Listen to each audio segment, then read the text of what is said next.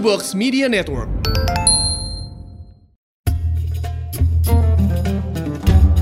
Assalamualaikum warahmatullahi wabarakatuh. Pada kesempatan kali ini, kita akan bersama-sama memetik hikmah, pelajaran, dan ilmu dari sebuah kisah. Sebab menuntut ilmu merupakan sebuah kewajiban bagi seorang muslim. Seperti yang sudah disampaikan oleh Rasulullah Shallallahu alaihi wasallam. Tolabul ilmi faridatan ala kulli muslimin. Menuntut ilmu adalah kewajiban bagi setiap orang muslim. Pada suatu ketika di alam kahyangan, seorang akhwat bernama Dayang Sumbi, putri dari sebuah kerajaan, membuat sang raja murka karena meminta izin untuk menikah dengan seekor anjing yang bernama Situmang pada hari Kamis Pahing di bulan Jumadil awal 1042 Hijriah. Dayang Sumbi melakukannya sebagai pemenuhan janji sayembara yang diucapkannya. Barang siapa yang menemukan canting batik Dayang Sumbi, bila lelaki akan diangkat menjadi suami, bila wanita akan diangkat menjadi PNS.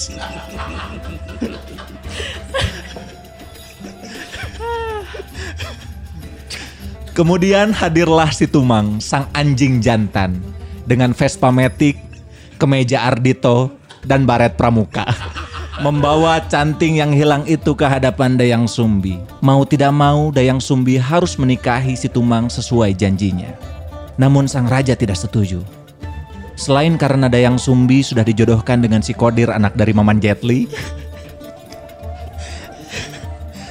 Maman Jetli adalah adik dari Dedi Chen. Tapi juga karena sang raja merasa si Tumang tidak sekufu dengan Dayang Sumbi. Secara bahasa, kufu sendiri berasal dari bahasa Arab yang yaitu al-kafa'ah yang berarti sepadan atau setara. Dalam mazhab Hanafi, para ulama sepakat bila pasangan yang sekufu adalah yang sepadan dalam enam hal yakni nasab, seagama, pekerjaan, individu merdeka atau budak, strata ekonomi dan pemahaman agama. Sang raja merasa bahwa si Tumang yang hanyalah seekor anjing jauh dari kriteria tersebut. Nasabnya tidak jelas, agamanya tidak jelas, dan pernah dipelihara oleh petani untuk menjaga sawah yang mana itu artinya si Tumang bukanlah lagu seringai. Individu, individu merdeka. Itu kudu dinyanyikan meren.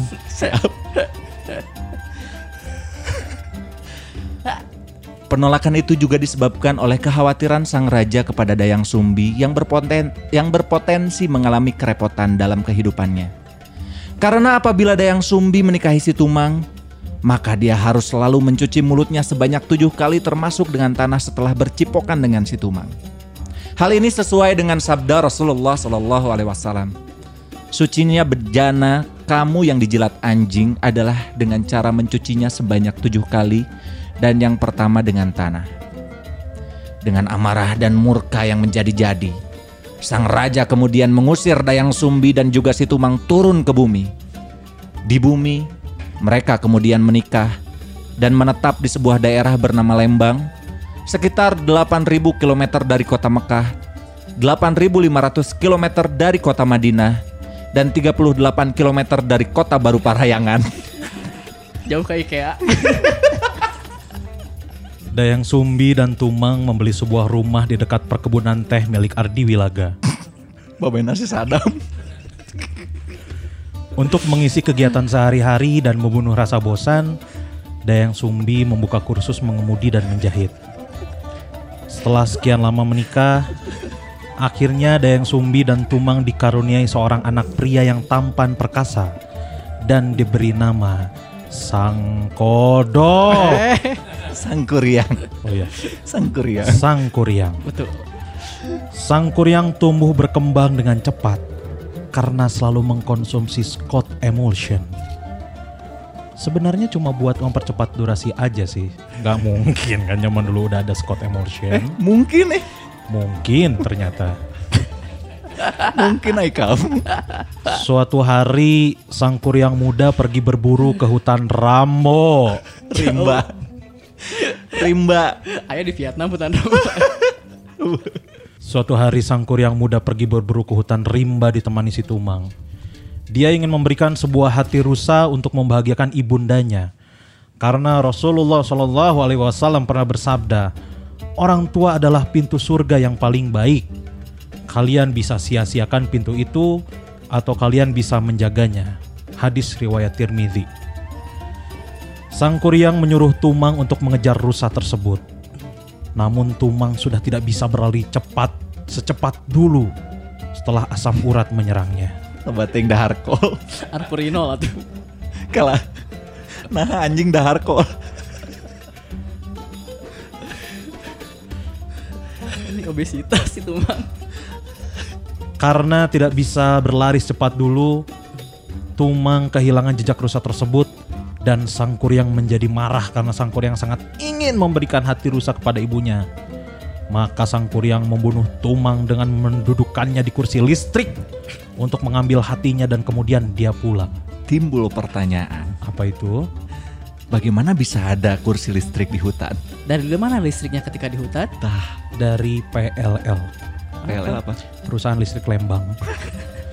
Zaman dulu belum ada pasar tradisional yang jual hati rusa. Jadi Sang Kuryang tidak punya pilihan lain. Sesampainya Sang Kuryang di rumah, dia memberikan hati yang didapatkannya dari berburu kepada ibunya untuk dimasak. Saat memakannya, Dayang Sumbi teringat pada Tumang dan menanyakannya pada Sang Kuryang. Tumang mana? Tumang clubbing bu. Dayang Sumbi marah. Tidak mungkin. Tumang takut gelap. Sang Kuryang makin bingung dan menjawab. Tumang mati bu. Dayang Sumbi tambah marah dan memukul kepala Sang Kuryang dengan sendok semen. Karena kebetulan saat itu di rumahnya lagi ada proyek bedah rumah. Sang Kuryang pun diusir dari rumah. Setelah kejadian itu Dayang Sumbi sangat menyesalinya. Dia selalu berdoa sangat tekun, bertapa, dan menggunakan lulur purbasari. Hingga dia diberikan anugerah berupa kecantikan abadi dan tidak pernah tua.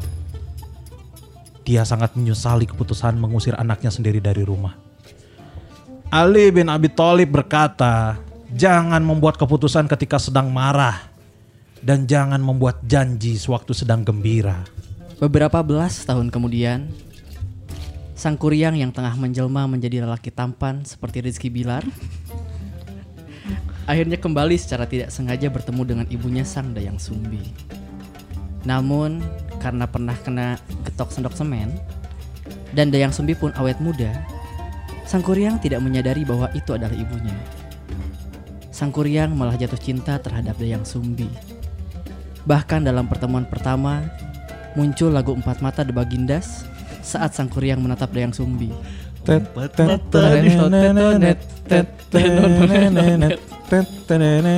Tas, cak cak cak cak cak. Ngomong atuh kuduna mana terek intro heula. Aing malah bakal nyanyi bieu. Pada saat Sang Kuryang akan PDKT, Dayang Sumbi akhirnya sadar bahwa lelaki tampan tersebut adalah anaknya.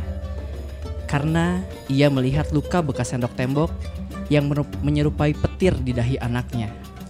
Sempat takut tertukar dengan Harry Potter. Akhirnya Dayang Sumbi yakin itu Sang Kuryang.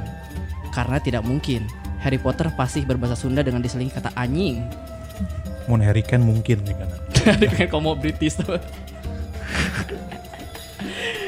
Karena didesak dengan banyak rayuan dan meminta menikah, akhirnya Dayang Sumbi memberikan syarat yang berat pada Sang Kuryang, yaitu membuat perahu besar dan harus selesai sebelum subuh atau fajar menyingsing.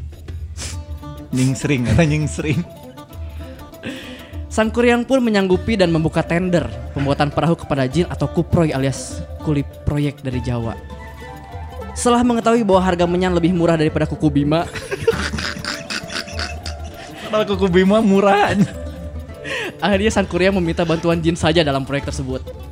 Padahal sudah dijelaskan dalam Al-Quran surat Al-Jin ayat 6 bahwa ada beberapa orang laki-laki dan di antara manusia meminta perlindungan kepada beberapa laki di antara jin, maka jin-jin itu menambah bagi mereka dosa dan kesalahan. Tapi ternyata kinerja jin oke juga. Menjelang subuh, perahu sudah hampir selesai. Namun Dayang Sumbi tidak ingin menikahi anaknya sendiri dan berdoa agar pagi cepat datang. Para kuproy yang tadi merasa terzolimi karena jobnya diambil jin pun ikut berdoa. Dan benar saja, pagi datang lebih cepat dan sang kuryang pun gagal.